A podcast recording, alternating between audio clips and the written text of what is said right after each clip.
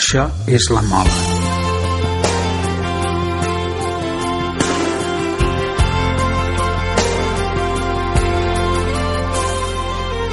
Say it's true. There's nothing like me and you. A Sant Llorenç, al principi, com tothom, pujar a la mola, professor del col·legi ens va portar d'excursió, i... però va ser pujar a la mola i la segona vegada, la segona visita a Sant Llorenç va ser anar a escalar.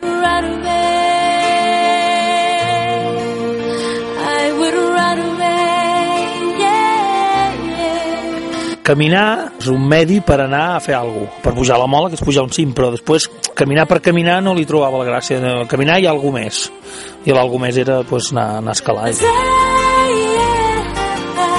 Llavors, clar, Sant Llorenç eh, està a prop de Terrassa relativament i quan no tens cotxe ni moto ni res amb la bicicleta t'hi arribaves i, i ja, ja t'enganxa.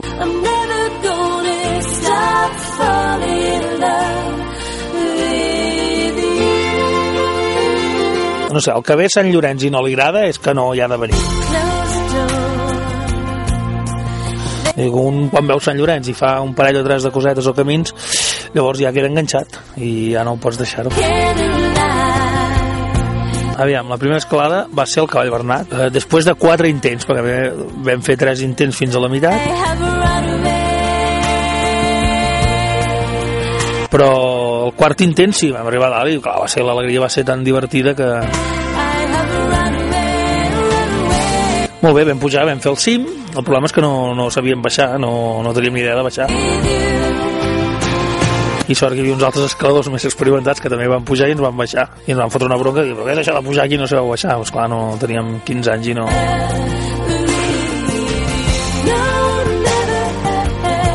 I a partir d'aquí vam anar a comprar un llibre veiem com es feien les coses i com es baixava i ja va haver-hi l'interès.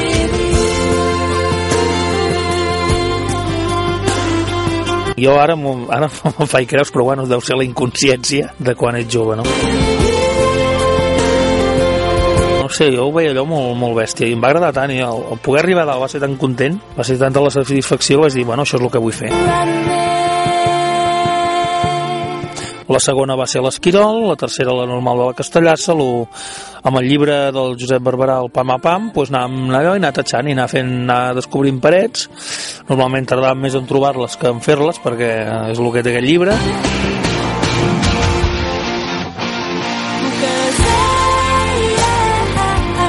Però també lo divertit, perquè si t'ho donen tot fet, gràcies a aquest llibre vaig descobrir molts llocs de Sant Llorenç que no, no m'imaginava, no? i anaven a buscar una paret, ostres, una cova, ostres, no sé què, ostres, no sé quan. Llavors, clar, intentaves... El, el llibre del Barberà és, és bàsic, el pam a pam. Però hi ha un llibre de l'Antoni Ferrando que encara em, va, encara em va flipar més, dels primers que va treure, que també sortien moltes fotos de molts llocs i de molt... Hosti, això ho vull anar a veure, això ho vull anar a veure, i, bueno, i així va ser com... ja quedes enganxat. Ja et quedes enganxat, vas, vas fent cims, eh, pujaves als cims de Sant Llorenç, que una característica és que trobaves un pot amb, amb la firma i tal, i de la gent que havia pujat i això, i ostres, era una cosa... Bueno, a mi em va agradar molt. Llavors amb el company que anava ho va deixar, ell es va avorrir d'escalar i a mi em va enganxar moltíssim. I a partir d'aquí, pues res, vaig començar a escalar sol. Vaig anar sol, i va, vaig provar-ho a fer sol. I, és clar, fer sol és més pesat, és més perillós, però és que et dona una llibertat que no... Ah, vaig aquí, ara vaig allà, i bueno...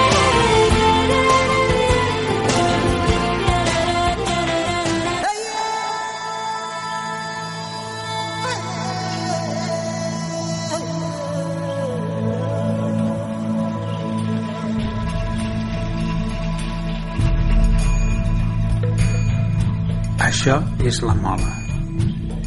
Mata de Pere Ràdio.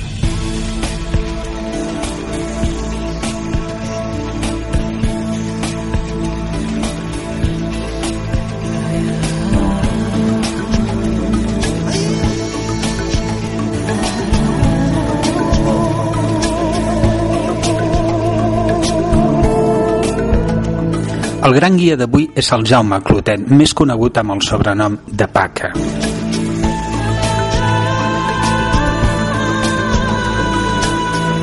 Amb el PACA, amb el Jaume Clotet, fem el programa des de dalt de la Falconera, el seu petit regne Sant Llorenç, on ha obert moltes vies d'escalada, on ha fet troballes curioses i on va localitzar una cavitat.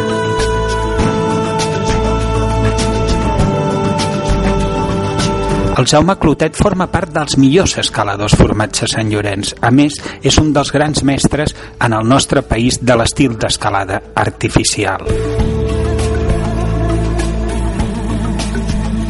El Paca ha escalat parets vertiginoses d'arreu del món, molt sovint tot sol, però sempre torna a casa seva, a Sant Llorenç.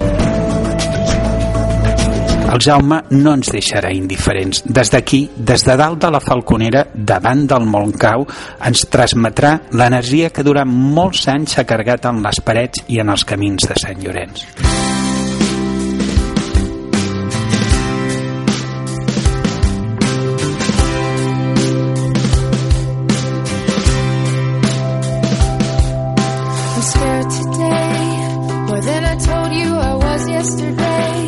Per començar, voldria aclarir un tema curiós. Tu et dius Jaume, Jaume Clotet, però ets més conegut per un sobrenom femení, el Paca.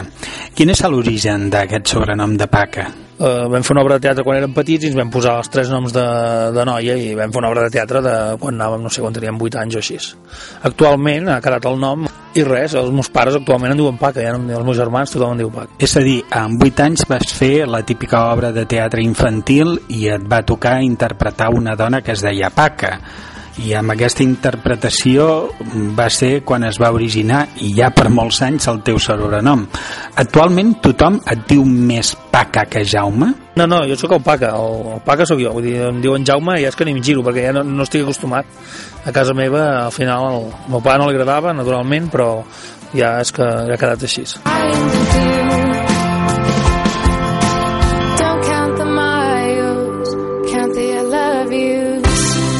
Doncs bé, Jaume o Paca, eh, tu ets un dels millors escaladors de Sant Llorenç del món i l'Ubac, però no has fet mai un curs d'escalada.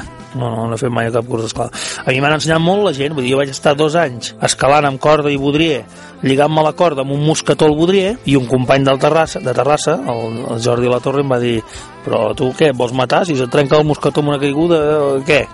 La corda va lligada directament al dic, ah, va, i com es lliga? I la vaig aprendre al nus de 8, dos anys després d'escalar. I què passa, que no ets partidari dels cursos d'escalada? Jo amb els cursets no sóc gaire partidari dels cursets, perquè poden ensenyar errors, ¿vale? però tampoc sóc partidari de lo que em va passar a mi, que era, venga, un llibre i el cau ple de lletra, com s'escala, venga. Però sí, Jaume, com es pot aprendre a escalar? El millor és la gent, això es fa així, això es fa saps, això es, saps, això ho fas malament, això, pam, la corda es passa per aquí, la, el mosquetó ha d'anar d'aquesta... I a escalar molta gent diferent i llavors vas agafant coses de gent diferent. Però si vas a un curset aprens una cosa, a lo millor t'ensenyen malament o, o no t'ensenyen correctament, llavors sempre faràs aquest error. En canvi, si escales amb molta gent diferent i allò vas aprenent una cosa de, de cadascú. Quantes parets i agulles has escalat a Sant Llorenç del l'Ubac? Amb totes, tot, totes les que vaig poder i més, des de la- l'agulla més, més estranya i més, més estrambòtica, però anava, anava bueno, a l'Ubac he escalat menys, no? He, he, he anat més de cara a Sant Llorenç del Munt. Però, bueno, intentàvem fer totes, des de la via de tercer, primer les llargues, les més clàssiques, no sé, anàvem primer les vies normals, quan ja havia pujat al Call Bernat per la normal, doncs llavors una altra, a buscar-ne una altra. I llavors ja anar descobrint altres, el Call Bernat de la Vall, les Fogaroses. El pujar a les Fogaroses era, era un mite, perquè esclar, llegies unes coses, et deien unes coses que heu anat a les Fogaroses, sí, tal, i què? Ui, no hi vagis allò i tal, no hi vagis, collons, pues cap allà és, quan ets petit et diuen que no, llavors pues, és, no sé, és com una cosa estranya i res, anàvem allà i era un mite, ens tiràvem tot un dia per arribar-hi per escalar i són vies de 40-50 metres però, bueno, molt encant molt encant Del sector farèstec de les Fogaroses has fet molts indrets? totes, totes, el gegant, la mitjana, el paller de les Fogaroses. Eh, Hi ha la, la, la, una via que es diu la cinglera del Parany Gangrenós. Sí, sí, llavors és l'encant de trobar vies que no saps ben bé on te les pots trobar.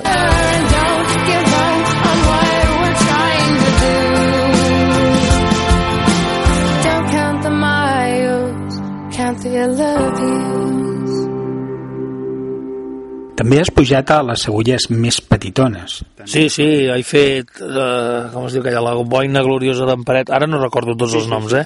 Però sí, sí, agulles d'aquestes que has de saltar des del cingle i que aquestes són les que fan més por. Allà a la Roca de les Formigues, a les Fogaroses, al Castellot Foradat, bueno, un, no sé, un muntó. Tant fa l'esparra, que, aquell que hi ha sota la roca encavalcada, aquella, el rabanet, tant, la, eh, la cosa estranya de Sant Llorenç és que tant si puges una roca de dos, de dos metres com si fas la via més llarga de la Falconera i difícil, això és, és si t'agrada igual. Un dia vaig a fer agulles, un altre dia vaig a fer parets, un altre dia vaig a fer camins, un altre dia coves i, ostres, i, i, no és, i està molt massificat, però depèn.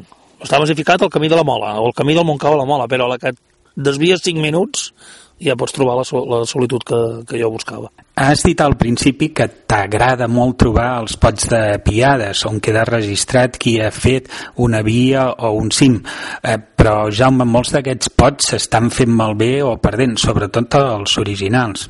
Doncs n'hi han, i n'hi han d'originals. Hi han llibres escrits amb tinta d'aquesta, amb lletra d'aquesta, com es diu, amb pluma, amb plomilla, i bueno, unes coses molt xules. Que, bueno, tampoc ho diré perquè no se sap. Que hi són, jo les he vistes. També et deu agradar molt posar el pot de piades a les teves primeres ascensions. Sí, sí, això, clar, a mi m'agrada molt això. I on podríem trobar els teus pots de piades originals? Ui, a molts puestos. Aquí a la Falconera a totes les vies tenien pot. El que passa que era molt... Posava pots de Nesquik, que és el que jo fotia d'aquests metàl·lics, i esclar, amb el temps es rovellen i cauen, i és un, és un error. Els pots de piades a les parets han de ser de vidre, si vols que et durin tota la vida, de vidres o... o hi ha una agulla per aquí darrere que es diu l'agulla del centenari de l'excursionisme català. Aquesta és la que més m'ha costat, no de pujar, sinó de trobar. Fins que un amic meu de Minyons, el Cesc eh, l'Opera, la va trobar un dia, però no la va escalar, i va dir, ja l'he trobat. Vam anar allà, vam fer l'agulla, bueno, un, té una placa al principi de la, de la via i això. No sabia trobar-la, eh? no sabia ni entès, però vam anar allà, i quan vam arribar al cim hi havia un pot de piades era inoxidable, en forma de quadrat llibreta, amb, amb els forats per enganxar la paret, una cosa tan ben feta. Jo pensava, el tio que ha perdut el temps per fer aquest pot de piades en aquesta agulla que no ve mai ningú, perquè ens, no sé, fotia 5 o 6 anys que no hi pujava ningú, la feina que tens, i a vegades et trobes autèntiques obres d'art com a pots de piades. I jo les vies sí, sempre li deixo per, bueno, que algun dia vaig per dalt i el miro els pots, aviam qui l'ha fet, qui no l'ha fet, hasta per curiositat. Bé, aprofitant per entrar ja en els sistemes d'escalada i recordant que el Jaume Clotet, el PACA, és el gran mestre, el mestre indiscutible de l'escalada anomenada artificial a Sant Llorenç del Món i Llobac, eh, Jaume, una pregunta. Eh, quan puges agulles, les agulles més petites, també fa servir el teu estil característic, l'artificial? No ho faig com puc, això fa, perquè eh, a Sant Llorenç hi ha una cosa que, que és potser una mica diferent dels altres puestos. Eh, estic molt enganxat amb Sant Llorenç, eh? potser no sóc parci- imparcial. Però quan vas a fer, per exemple, el gegant de les Fogaroses, el Barberat posava sisè, el primer sisè de Sant Llorenç, clar, vas allà amb el que vas. L'he fet tres cops. La primera vegada la vaig fer en lliure, perquè com que el llibre posava sisè i jo no sabia el que era artificial, doncs vaig anar allà i, en fi, per haver-se matat. Però va sortir i les altres vegades, quan ja sabia fer artificial ja no estava tan fort, doncs la, la vaig fer clavant, vull dir que això és... moltes vegades puges, puges com pots, el grau aquí és molt relatiu. Perquè la roca és molt especial moltes, ve- el, quasi sempre és dolenta pels de fora, perquè per mi és excepció, és molt bona, i en fi, eh, a vegades t'has d'arrastrar com pots, és, és ingraduable, vull dir, vas amb lliure, amb artifo, si t'agafes una herba és amb lliure, eh, pues ens hem agafat a les herbes moltes vegades, i és el que hi ha, vull dir, no, no sé, puges com pots, aquestes petites. Jaume, si plau, explica'ns què és l'escalada artificial, la tècnica que tu tant domines, i quines diferències hi ha entre l'escalada artificial i l'altra escalada anomenada lliure. Sí, l'escalada, hi ha dos tipus d'escalada amb roca, bàsicament, no? N'hi ha molts, però escalada, eh, la paraula escalada és escalada lliure i escalada artificial. L'escalada, lli- l'escalada lliure és, és, fa servir mans i peus per pujar. I el, les assegurances, els claus, les cordes, tot això és perquè si caus no vagis a terra, no et facis mal. Vale?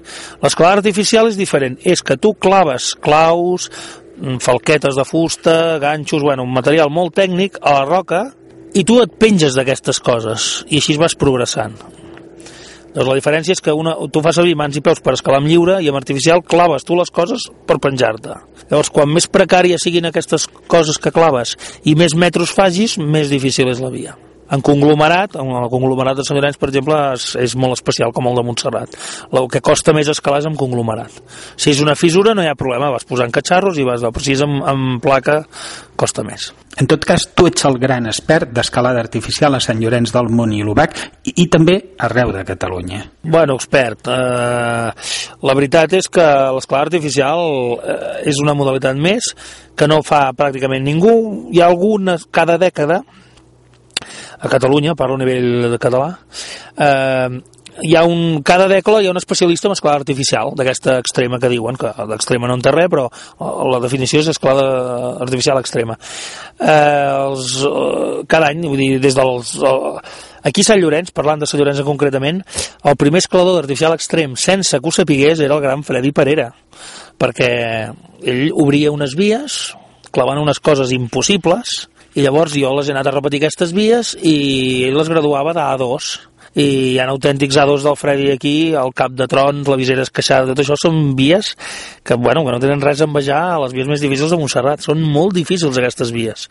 I ell no era conscient de quan l'obria. Jo crec que aquest va ser el primer que va Escalada artificial extrema vol dir que no facis, facis servir el menys possible les assegurances fixes, o sigui, els burils, les xapes, els espits, els parabols.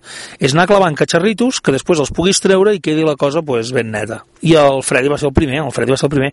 Hi ha molts artificieros, per exemple, l'Amadeu Pagès també fa molt bé artificial, el Joan Armengol també feia artificial, però específicament d'artificial extrem en placa, el, el Freddy crec que va ser dels primers.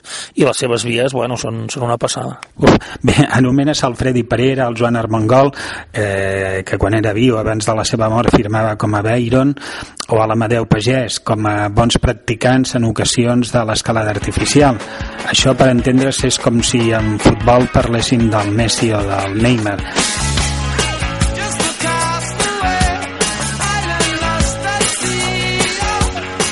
Doncs quina evolució que ha tingut aquell noi que explicaves que de petit s'escapava en bici a Sant Llorenç.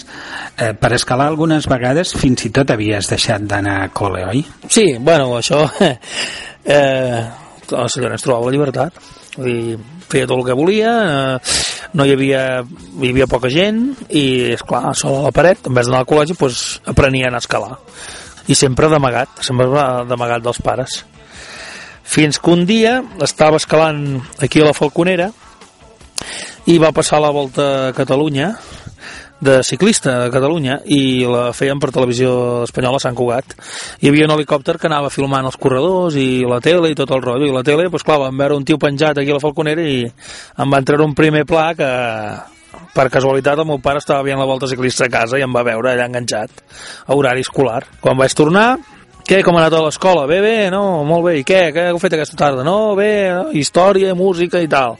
Llavors va agafar el vídeo Betamax i em va ensenyar el que havia gravat i em vaig veure allà a la tele i, és clar, no vaig poder d'allò. I l'únic que em va dir el meu pare, em va fotre bronca, em va dir que no l'enganyés mai més, que si volia anar a escalar, doncs que anés a escalar i que, que em preparés i tal i que ho fes bé i que no volia saber on anava a escalar ni res, però que no l'enganyés que si anava a escalar, anava a escalar i si anava al col·le, al col·le Senties molta atracció per Sant Llorenç. De fet, és una cosa molt estranya, perquè jo les primeres vacances fora de casa les vaig fer amb, amb 16 anys, que vaig anar una setmana acampat a les Fogaroses, que vaig anar a obrir una via amb, amb en Ramon Agut, el fill de l'Agut industrial de Terrassa. Érem molt amics, som molt amics. I vam anar una setmana amb la tenda de campanya, acampats a les Fogaroses, quan abans es podia acampar, en quin lloc veu estar acampats? Eh, amb un quadradet que hi ha sota el paller de les Fogaroses. Hi ha, hi ha un quadrat allà, ara deu estar ple d'esvergers, i allò, però hi havia un quadrat i vam plantar allà com vam poder. I vam estar una setmana, tu. I ens ficàvem en coves i anàvem a escalar. I què vau fer durant tota aquella setmana? Pues aquella setmana vam obrir una via al Morral del Racó, que una via de tres llars que es diu Deep Purple, que té un techo de sis passos, i vam estar allà treballant-hi eh, tota la setmana. I estàvem allà, pues res, mira, eh, vam començar, era ja adolescents, pues ja sabeu tot el que comporta l'adolescència, pues, allà pots fer el que vulguis, que no et sent ningú, ni et veu ningú, ni res, i de nit una mica de juerga, amb, amb uns Walmans amb altaveus, escoltant rock and roll i heavy metal, perquè nosaltres érem d'aquesta mena de música, i res, i el dia següent escalar, escalar, escalar i obrir la via i fins que vam arribar al cim i vam estar una setmana.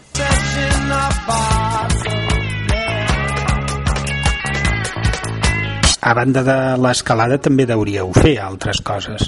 Quan ens cansàvem d'escalar, baixàvem i, i anàvem a, a descobrir les fogaroses, totes les canals, totes les... Eh, vam baixar per un puesto que no tenia sortida, vam entremig del Castellot foradat, vam baixar per allà al mig del Castellot, pujàvem agulles sense d'aquestes senzilles i res, no, descobrir Sant Llorenç és el maco de tot això és la descoberta suposo com en tota la vida no? és el descobrir, ostres, aquí hi ha una cova ostres, aquí hi ha un camí, aquest camí cap on va no ho sé, va, bon anem, pues tira d'allà ha sortit una tradició meva que és un cop l'any vaig a fer la, no sé com es diu bueno, la, no l'encigalada la, la sengla, o sigui, fer el port senglar anar a fer el port senglar A veure, què és pel Jaume Clotet el paca fer el port senglar? què és?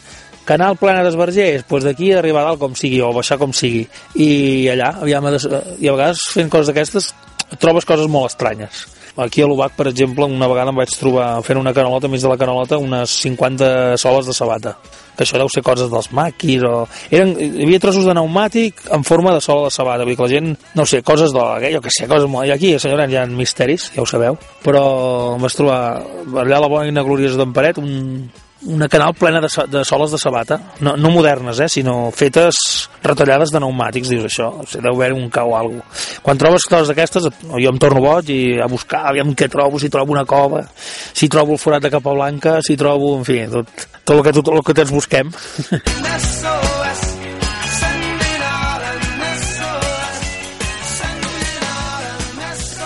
On ens trobem ara, que és a la Falconera, com hem dit al principi, la Falconera és el teu petit regne dins de Sant Llorenç del Món. Bueno, la Falconera és, per mi és el, és el meu lloc predilecte de Sant Llorenç, és el lloc on he obert més vies d'escalada, és el lloc on he après a fer escalada artificial, està a prop de la, la carretera, no hi ha gaire...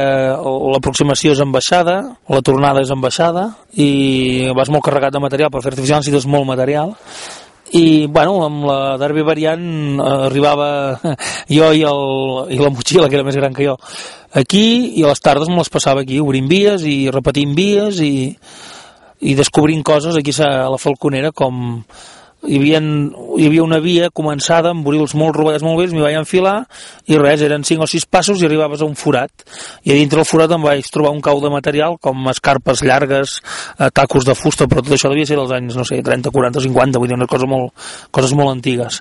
I fa molta il·lusió quan trobes un tresor entre cometes, per nosaltres és un tresor per un altre seria ferralla, però dius ostres, algú això ha amagat aquest material comences a imaginar-te coses i bueno, quan ets jove pues, t'imagines moltes coses. La teva primera via d'escalada ja l'ho vas obrir aquí, a la Falconera. La meva via, primera via és a la Canal Gentil, que bueno, és un gran error perquè vaig obrir una via d'escalada així esportiva, molt difícil, i al peu de via vaig pintar amb una brotxa enorme via paca, han passat igual 30 anys d'això i encara està el nom allà i vaig cada any a rascar-ho, a intentar treure el nom. Llavors em va explicar, no, no, és que els noms de les vies no es marquen, no? Jo és que us volia que se sapigués quan tens 15 anys, doncs no, no. Aprens, tot aprens sobre la marxa, no? I vaig aprendre que els noms de vies no es pinten al peu de via, i menys amb una brotxa gorda. Si passeu per actualitat, veureu allà la pintada, que bueno, a mi fa, és de les coses que m'agradaria que arreglar i no sé com, he anat amb dissolvent, he anat amb, amb raspats, he anat amb tot i no, no sé treure-ho. Es veu que la pintura d'abans era bona, perquè ara dura tota la vida. Bueno, aquella va ser la primera via. La segona via que vaig obrir meva vida sí va ser aquí a la Falconera. Ja va ser una via amb cara ulls. És una via de quatre llargs que es diu Perafita Airlines, bueno, Perafita, la via Perafita, que és el nom del poble de la meva mare, que és la que em va pagar, va subvencionar les xapes, diguéssim, per la via eren vies senzilles de, bueno, amb lliure són molt difícils però si la fas amb artificial com que està equipat, eren les primeres que obria pues, mm, bastantes xapes petitetes però bastantes xapes i... Com se't va ocórrer el recorregut d'aquella via de la Perafita Airlines? Uh, quan vaig arribar només hi havia dos vies aquí a la Falconera, que era la... no, tres, perdó hi havia la TIM la, la xamaneia, hi havia la, les tenalles, que és la clàssica, i la Rhapsody in Blue. Llavors, a l'esquerra de la Rhapsody in Blue hi havia un, bueno, el tros que volguessis. I vaig començar allà perquè, no sé, perquè estava a prop del camí i al començament hi havia una esquerda una esquerda que no, que no la vaig aprofitar perquè només vaig posar, eh, aquí es nota que era quan, quan començava. Hi ha una esquerda perfecta per posar qualsevol tipus de seguro de quita i pont flotant que es diu i ho vaig omplir de xapes. Bueno, llavors aprenia a posar espits aprenia a posar xapes. I res vaig anar buscant llavors eh, esquivar el desplom inicial fins al primer forat i llavors d'allà sí, amb lliure ja tot el que vaig poder fins, fins al peu de la bola final. Després de la Perafita Airlines va s'obrir moltes més vies ja sí, aquí mateix, a la Falconera. Uh, jo, sí, ja m'ha agradat en el puesto, la tranquil·litat, i vaig començar a obrir vies, però ja d'aquestes hi ha una altra, la passió incondicional, que és de l'estil amb, amb lliure més exigent, però després d'aquestes em sembla que vaig començar a obrir amb artificial primer clàssic i després artificial extrem, que és ja aprofitar amb les mínimes rugositats de la paret per enganxar-hi qualsevol xiclet i penjar-te i continuar amunt. I sí, en tinc la meitat de les vies d'aquí la paret quasi són, són obertes per mi. I la d'altra meitat, doncs també les he repetit bastantes vegades. Una de les teves vies emblemàtiques a la Falconera es diu Flipping. Aquesta és una cosa molt estranya. Ostres, aquesta via...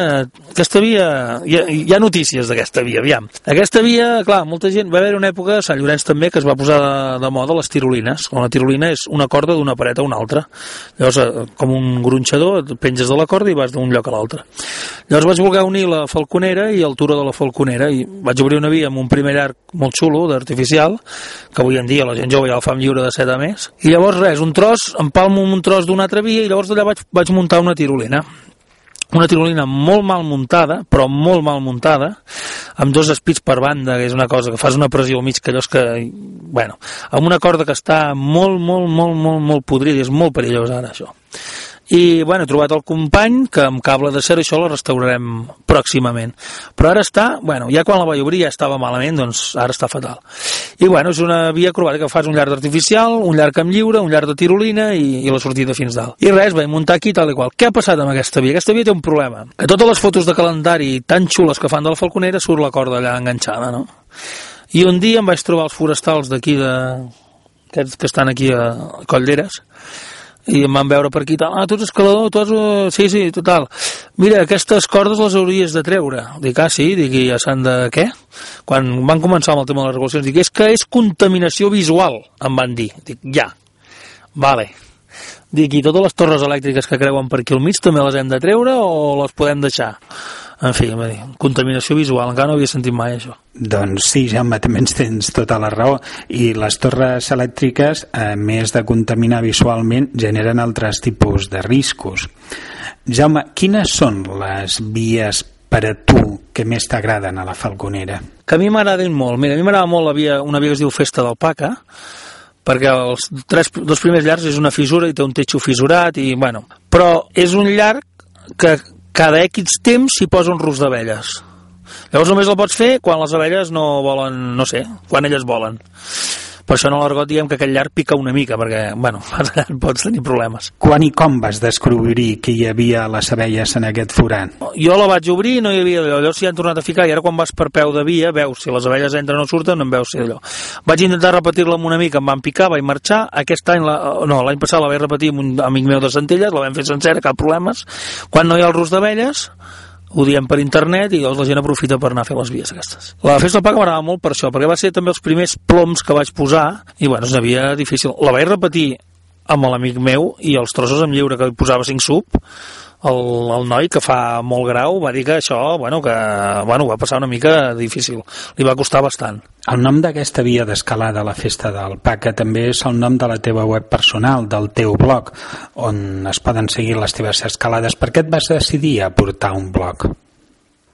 És el nom del meu blog, sí. Un blog, un blog que en principi volia ser per informar la gent. O sigui, blogs d'escalada n'hi ha molts, tots són però d'escalada artificial com és, és molt desconegut. Tothom em pregunta, eh, i com ho fas? I com et penges? I com? Llavors, bueno, volia ser una mica en plan informació, volia que fos informació de vies d'escalada artificial i que no tot s'es no tot s'acaba amb l'escalada lliure, que hi ha una cosa que es diu escalada artificial que et permet fer grans parets en el món quan tu al lliure ja no arribes. Malgrat avui en dia l'escalada lliure està a un nivell altíssim, que pràcticament es pot fer tot en lliure ja.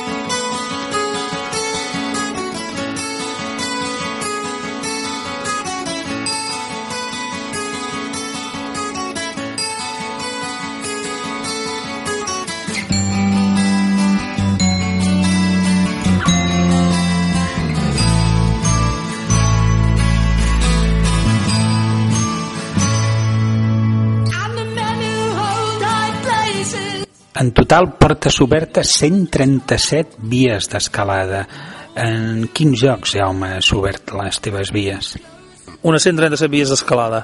Em sembla que va per unes 37 a Montserrat, 25 a Sant Llorenç i el resto repartides por ahí. I no, és, no obres tampoc per com ai, tal, no per col·leccionar, és bueno, t'agrada un puesto, estàs tranquil i, i jo he escalat molt en solitari, moltíssim, i quan vas sol, pues, vols estar sol, no vols estar rodejat de, de gent. Quan obria vies a Vilanova de Mallès perquè no hi anava molta gent. Quan va començar a venir molta gent a Vilanova doncs vam emigrar cap a una altra paret. I per això per això es va, vaig obrir en aquests puestos. Anar descobrint llocs nous i eh, encara avui en dia em descobreixo nous llocs m'agraden i vaig, llavors només vaig allà. Ara pel que sembla ja no vens tant a escalar aquí a Sant Llorenç del Mont. Mm, aquest any l'estic redescobrint perquè va, ho deixes perquè vas a, a fer coses més bèsties, més grans, més llargues, més d'allò però aquest any he escalat tres cops a Sant Llorenç i és una cosa que dius, com pots, com pots estar sense escalar aquí, no? perquè tornes a baixar el nivell, tornes a, a ser humil, de dir, ostres, aquí vaig començar, aquí has d'anar amb cuidado, eh, i no sé, et posa com a puesto, és com si fessis un reset. I, i hòstia, encara m'agrada més, que, perquè quan, quan començava anava a descobrir i a no fer-me mal. Ara vas a disfrutar, pateixes més perquè escales pitjor, però, però vas a disfrutar de dir, ostres, quin lloc més xulo, ostres, quina tranquil·litat, ostres, quina roca tan especial, que no dolenta. En fi, és... Per què dius això? Per què dius que la roca de Sant Llorenç és especial i no dolenta? Perquè la gent de fora critica molt la roca de Sant Llorenç. És a dir, la gent ve a Sant Llorenç, va a la Soleia i a la Sibèria, es diu, a la Sibèria, i ja està, i no els treguis d'aquí perquè és el lloc on té bona roca i bueno, a mi ja m'està bé perquè així els tenim tots concentrats en un puesto i tot el resto pels 4, 5 escaladors autèntics que té Sant Llorenç Vaja, què caracteritza els escaladors que anomenes autèntics de Sant Llorenç? Són els que pugen una agulleta, caminen 3 hores per anar a pujar una agulleta de 2 metres. Aquest és l'autèntic Sant Llorenç, que vol descobrir tot. El camí, la pujadeta, i no només anar amb una via molt bona de, i fer metros, i fer vies, i fer dificultat. Que no és criticable, eh? que a mi ja m'agradaria fer dificultat, però eh, potser tantes hores de cara a la paret et, et, et priva de veure el, el realment maco de Sant Llorenç, que és tot. És l'escalada, són les coves, les canals, el perdre't, els camins, els passamans que hi ha la descoberta.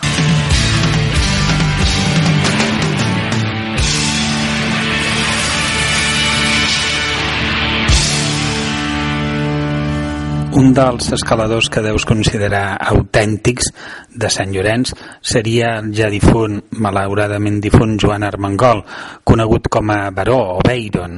Bueno, el Joan el el Joan Armengol, una altra fera d'aquí.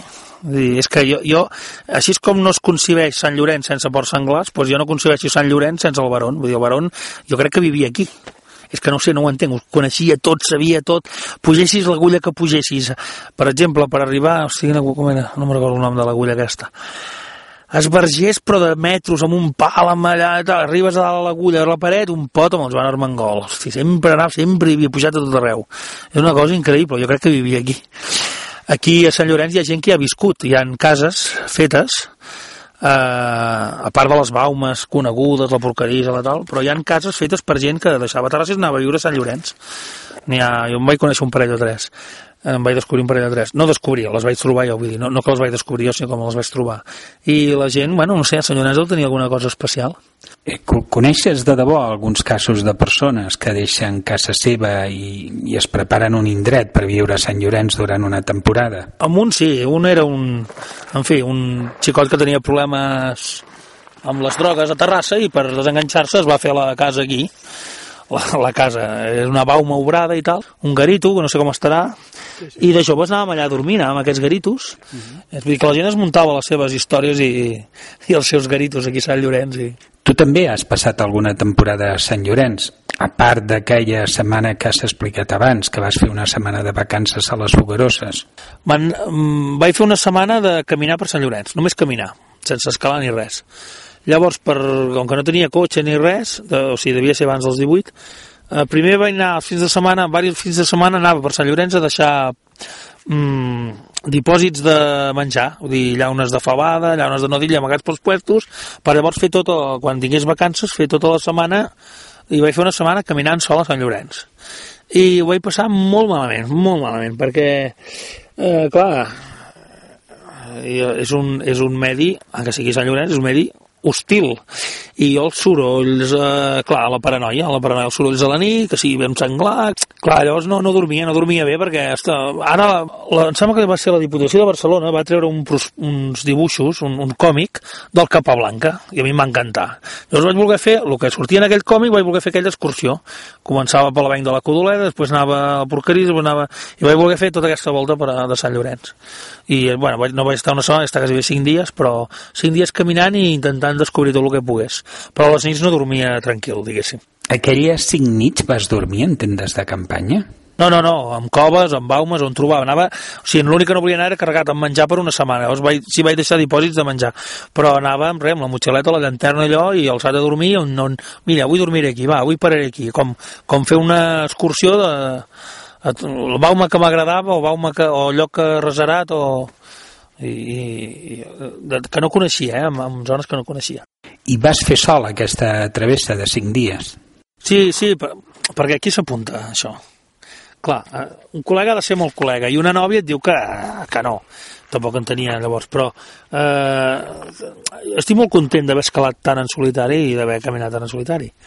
Però m'arrepenteixo molt també, perquè el bo és arribar i amb companyia i, i, amb, i amb col·legues i amb un grup d'excursionistes encara és més divertit però com que faig coses estranyes, jo considero estranyes, l'escola artificial és una cosa estranya, anar a fer una volta una setmana per Grans és una cosa estranya, eh, pues, anar fent verdissades, que dic jo, és una cosa estranya, pues, clar, pues anava sol. I, de fet, els més, considero jo, Sant Lloretencs, o com se digui, són solitaris. El Barón és molt solitari, era molt solitari. No sé, deu ser la màgia de la muntanya, no sé.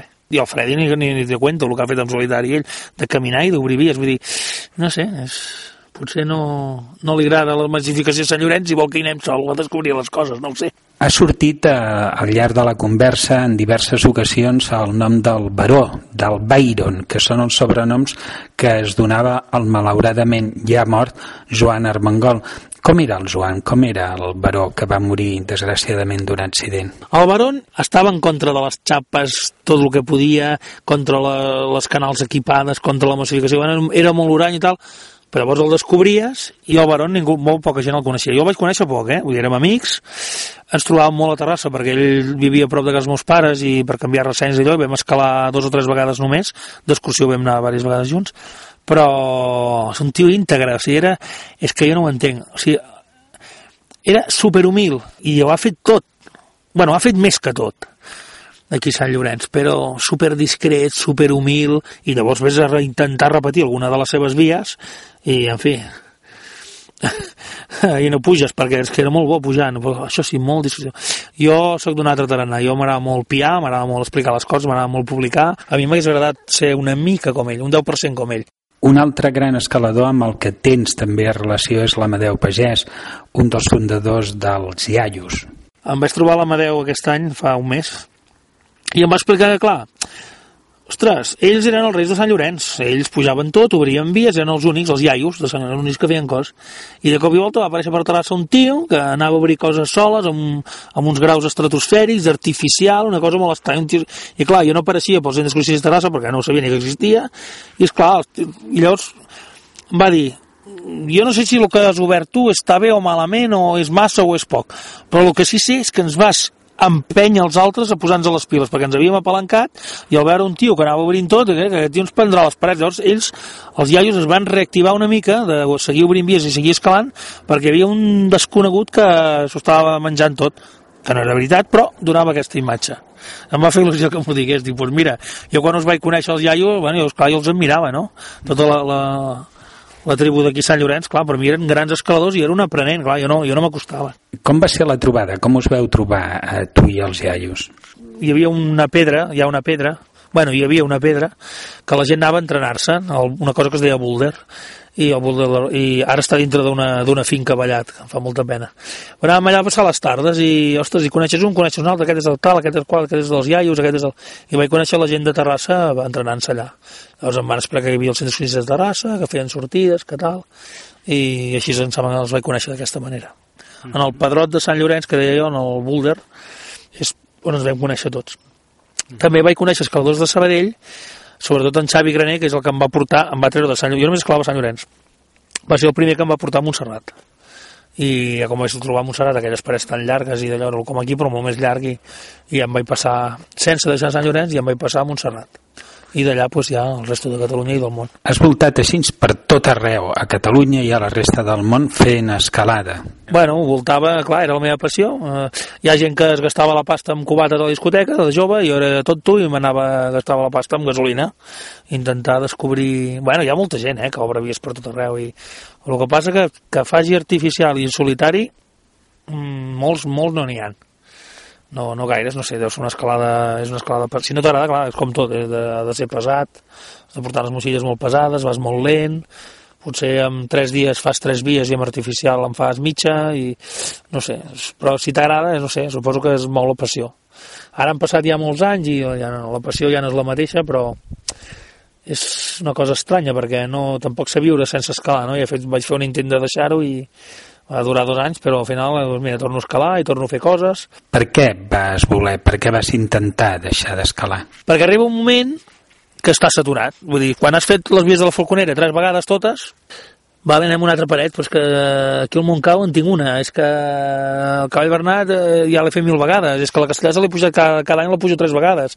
Arriba un moment, i a Montserrat passa igual, als llocs que sols anar, i llavors les vies que tu pots fer per disfrutar ja les has fetes i les que et queden són inabastables o, o, o per obrir també està tot saturat per exemple, doncs arriba un moment que et col·lapses no? Dius, bueno, Took a deep breath in the mirror. He didn't like it when I wore high heels, but I do.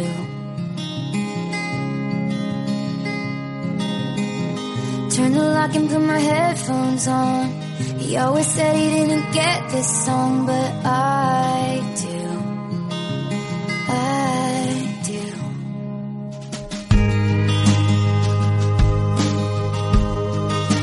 Jaume, una consulta sobre una qüestió històrica de Sant Llorenç que tu, com a expert en escalada artificial, segur que pots aportar claretat.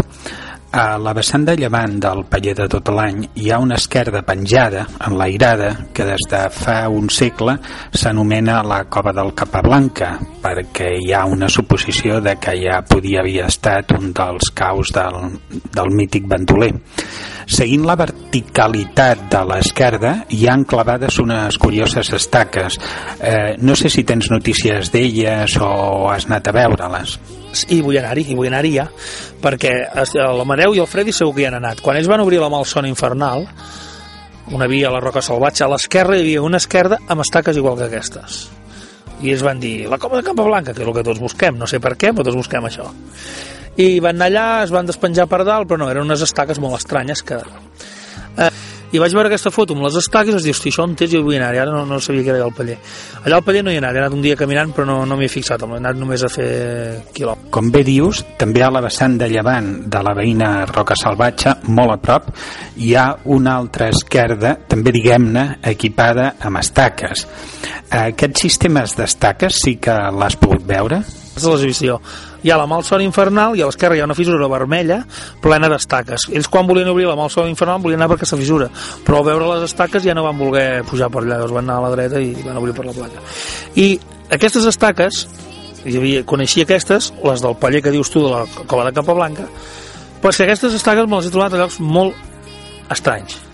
A Vilanova de Maià, fa dos anys vaig obrir una via i en meitat d'una paret, en meitat d'una paret també una estaca en forma de punxa allà al mig que dius hi ha una cova al mig de la paret, per pujar a la cova algú va clavar una estaca allà, però és que per pujar has de, has de fer escalada artificial, que no, no pots pujar de cap manera. Desploma, mala roca, no sé, són coses molt estranyes. I a Estats Units, a la, a la Torre del Diable, a Wyoming, que és, una, és un volcà fossilitzat molt bèstia, que, bueno, unes parets doncs allà hi ha una via plena d'estaques igual que aquí igual que Sant Llorenç, tot estaques d'allà i tal, una, hi ha milions d'esquerdes hi ha moltes vies d'escalada, però una de les vies d'escalada on es, i ho diuen, no, això és que els índios pujaven allà dalt per refugiar-se d'un os gegant i tal, és la, la, la llegenda que diuen. I, i pujaven per aquestes estaques i es veien estaques podrides, velles, no és allò que posa al parc per, per, per enganyar els turistes. I, ostres, vull dir que estaques d'aquestes la gent no sé si per anar a buscar alzines, per fer carbó, no ho sé, sempre hi ha tantes... No, no se sap mai, perquè però la gent s'enfilava, tu, jo no, no... Abans que existissin els escaladors, la, la gent s'enfilava. Sí.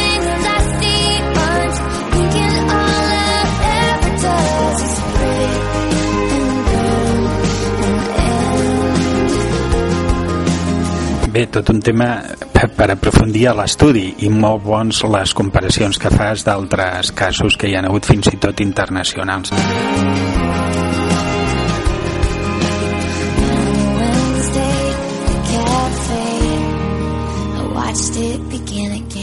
Un altre tema. En el món de l'escalada, també en altres àmbits, però sobretot en el món de l'escalada, sempre es resta, es fa com si es restés valor a Sant Llorenç en relació a Montserrat, que té parets més grans i roca més bona. Eh, Sant Llorenç semblaria que no deixa de ser un lloc d'aprenentatge i Montserrat és realment un paradís, el veritable paradís de l'escalada. Sincerament, ho era. Actualment no ho és. Hi ha el tema de les regulacions, els forestals. Aquesta mateixa setmana, ahir em va trucar un amic meu que va obrir una via l'any 2007 en un lloc prohibit i ara l'han trucat els forestals i si no la desequipa abans d'un mes li fotran una multa. Una via d'artificial que no la farà ningú, diguem, del 2000 no, fa- perquè no, no és una via equipada, massificada. Clar, si ja estem així, és- del 2007, estem al 2013, fa 5 anys. Eh, i el monestir, i els cotxes, les cues que es fan a la carretera. Jo vaig estar de guarda un any a Montserrat, a la paret nord, substituint el guarda. I, clar, hi havia menys gent, menys atur, no sé. A Parets Nords, com que les vies no estaven reequipades, doncs hi anàvem els, els que volíem escalar allà els que ens arriscàvem però ens protegíem, vull dir, ara amb el tema reequipaments, xapes noves tot, massif, tot es massifica, les ferrates sobretot, tot es massifica tot allò, i les vies són xulíssimes, ja les he fet en el seu estat original, però ara pues que tu, escolta, vas allà a escalar a Frare Gros, vinga motos per Can Massana, tots els diumenges allà fent curves, i els Mossos, els és igual, ells hi són, ho saben els Mossos, perquè estan, vull dir, sorolls, eh, gent que es perd, l'helicòpter que va eh, tot el dia, està prohibit volar a, a Montserrat. Doncs del meu poble d'Ullastrell hi ha l'heliport cada fi de setmana la gent allà volant. Si estàs esclant, ven allà a fer fotos, que les hèlices et tiren pedres de dalt. Vull dir, és la, si la tranquil·litat, o sigui, és preciós Montserrat. La pega és que està a Barcelona. O sigui, Montserrat podria estar enmig del desert dels Monegros. Seria collonut. Digue'm egoista, que vols Montserrat només per tu. No, no, però vull tranquil·litat. Aquí estem tranquils. Aquí han passat dos cotxes per la carretereta aquesta, dos cotxes. Si hi hagués una autopista, la Falconera seria una bessura. La gràcia és que hi ha una carretereta mm, sense la línia al mig. La gent va més tranquil·la. Aquí no, no veus, no, no sents córrer motos. No sé com, no sé com explicar-ho. Eh, Montserrat era el paradís, però era, és un paradís fals. S'ha- s'ha- hi ha molts escaladors, hi ha molta gent, hi ha molta normativa també, normativa contra els escaladors. No, contra, no per protegir, a favor de Montserrat, no a favor de les parets, no a favor dels ocells, sinó contra de... Perquè, esclar, és el que parlàvem abans, si vas, contra, si vas a favor dels ocells, que ni un cotxe pugi més al monestir. Mira, Yosemite, el Parc Nacional de Yosemite, tu parques el cotxe al pàrquing, pagues una entrada de 10 euros, cada 20 minuts tens un autocar gratis, un autobús gratis, que et porta a totes les parets i a tot el parc. Cada 20 minuts n'hi ha un, gratis. Gratis no, que tu has pagat 10 euros, pots estar una setmana. Però en el parc només corren els autobusos. Llavors, això és un parc natural. Montserrat, parc natural. Una altra qüestió també de les que sempre traiem quan tenim la sort de comptar com a gran guia del programa amb un escalador. Eh, Jaume, es tractaria de la relació entre escalada i espeleologia. En poques abstencions, com seria el cas històric de Torre Somet i més recent del Martí Puig, eh, amb, poca, amb aquestes poques excepcions l'escalada i l'espeleologia són dos, dos mons separs, separats i això que fent escalada sovint es localitza en bones cavitats Sí, clar, nosaltres... eh, Les coves era, és, és un lloc, una, una cosa... No n'he fet gaires, eh, n'he fet poques. És més, hi ha amics del Centre Excursionista de Terrassa que m'hi han portat, el Badilla, l'Eduard Badilla sobretot, m'ha portat a fer algunes coses, i, però és un tema integrant, perquè l'escalada clar, és, és un altre punt de vista. Eh? L'escalada veus el paisatge, veus, no sé, és, el, respires l'aire, diguéssim. A les coves també veus paisatge i també respires, però és un altre tipus. M'agrada més la, la llibertat de, de l'aire lliure, diguéssim. Eh, tu, Jaume, o Paca, que és el teu sobrenom, eh, aquí, al Turó, a la Falconera, on estem ara, vas tenir la sort de trobar una important cavitat que més porta el teu sobrenom, la cova del Paca. Explica'ns, si plau, com va ser la teva incursió en el món de l'espeleologia, com vas fer aquesta troballa? Caminant per conèixer tota la Falconera vaig tenir la sort de descobrir un forat ho vaig comentar amb un amic meu dels centres crucis de Terrassa i, i al cap de tres mesos em vaig trobar una topografia de la cova d'Empaca, que em va sorprendre molt, em va fer moltíssima il·lusió. Era un forat que no, no ningú el coneixia i van als del centre els ratpenats del centre excursionista i la, la van topografiar, la van fer, bueno, i l'entrada és molt estreta, té una doble entrada, és molt estreta, però dintre hi caps dret, peu, i bueno, és una cova com Déu mana, i ostres, i jo no m'he atrevit a entrar mai, i ara menys perquè ja estic eh, molt, gre, molt gros, no? Però, bueno, em va fer molta il·lusió. I dius, Jaume, que no has gossat mai, però mai, entrar a la teva cova, a la cova de Paca. És a dir, només vas veure el forat i ho vas comunicar als companys. Eh, com és això? Com pots resistir-te a la curiositat de veure la teva cova per dins? No m'he atrevit, perquè has d'entrar... És molt estret, i jo sé que dintre et poses dret, perquè m'ho han explicat, he vist la topografia i tot, però no, l'entrada és molt estreta. Si anés amb algun espeleòleg i m'ensenyés la tècnica, però és una cosa jo no, no, no m'atreveixo. Puc fer la paret que vulguis. He estat 12 dies en una paret sol, he fet uh, 30.000 animalades. Però, Jaume, ni, ni treure el cap a dins, ni entrar un moment per veure què hi ha? Molt bé, jo entro i sortir, és clar, és que... Bé, bé, tens raó i t'entenem molt bé, però, però el que sí que et va despertar aquesta troballa va ser les ganes de localitzar més cavitats, oi?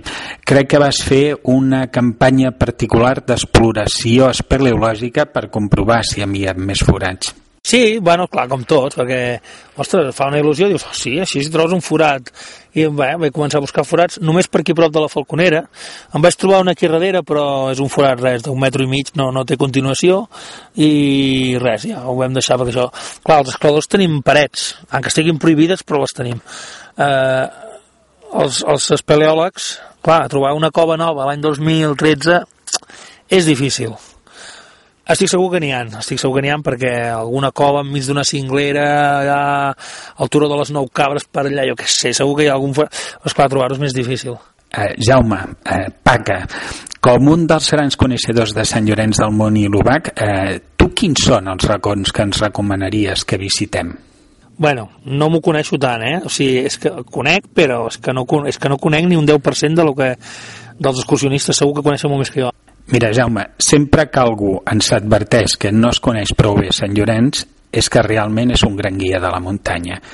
I també es dona molts casos a l'inrevés. Algunes persones que tenen moltes ganes d'aparentar que saben molts indrets realment no passen dels tòpics.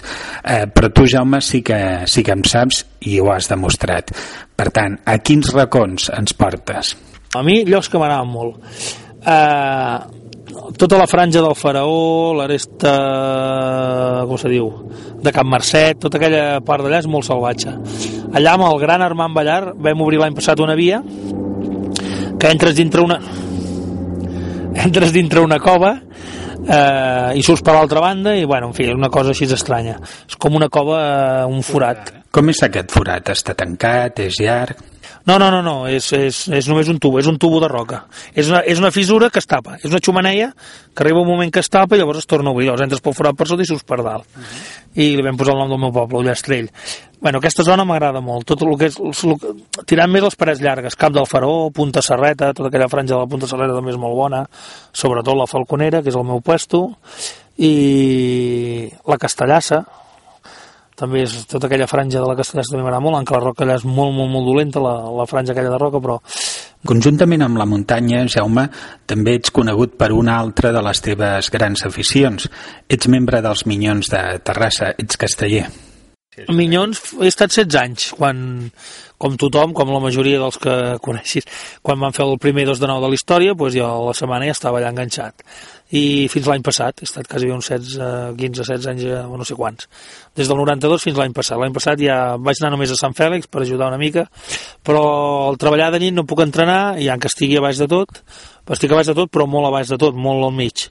I si no pots entrenar-te, no són, és, pots fer mal i en fi, et fas gran, necessites, necessites entrenar. Jo necessito, per fer les coses necessito entrenar-me. Jaume, ara que ja estem acabant, si em permets et voldria dir que has estat molt modest al llarg de tota aquesta conversa. Realment estàs considerat un dels millors escaladors de Sant Llorenç i sobretot en artificial.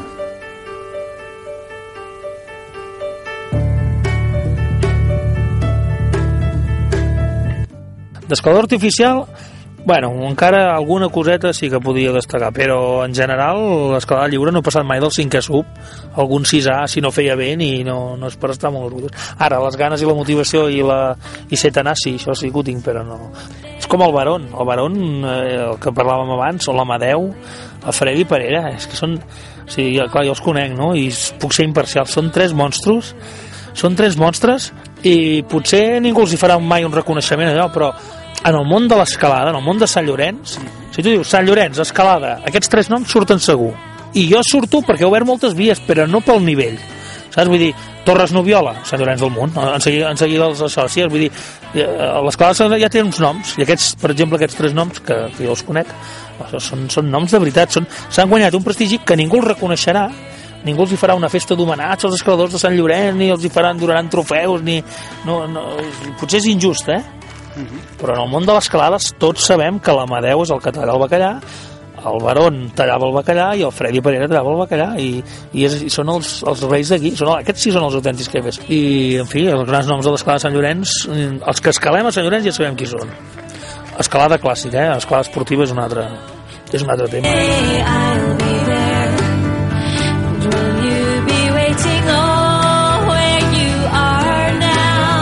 A banda de la teva web personal, la Festa del Paca, les teves experiències també han quedat reflectides en un llibre.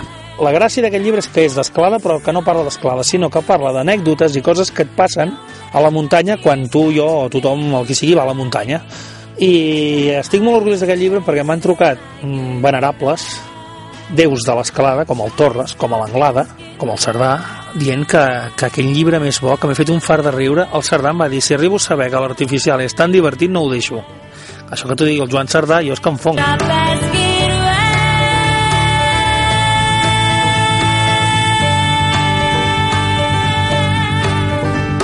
Bé, la temàtica d'aquest llibre és un reflexe de la forma que has comentat al llarg de tota la conversa que tens de la relacionar-te amb Sant Llorenç, que combina l'escalada amb el coneixement de tot el seu entorn.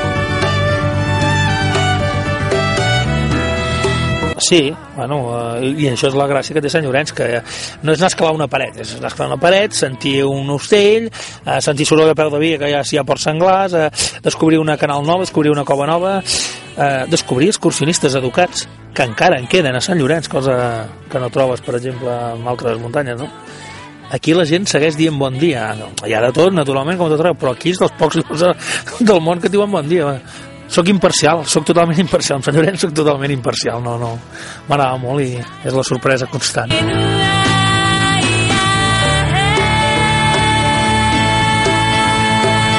Amb lo petit que és la muntanya i no te l'acabes mai. És una cosa... No sé, no... Montserrat te l'acabes en seguida perquè com que hi ha la carretera i, i no sé, els, les, no sé, és, és més gran i és més alt, però no té aquest racons, no té aquestes... És diferent.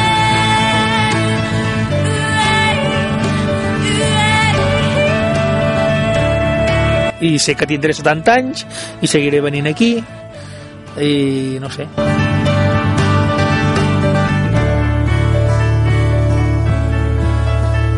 I suposo que quan estigui a l'altre barri si hi ha un altre barri demanaré permís per baixar de tant en tant aquí perquè esclar, això I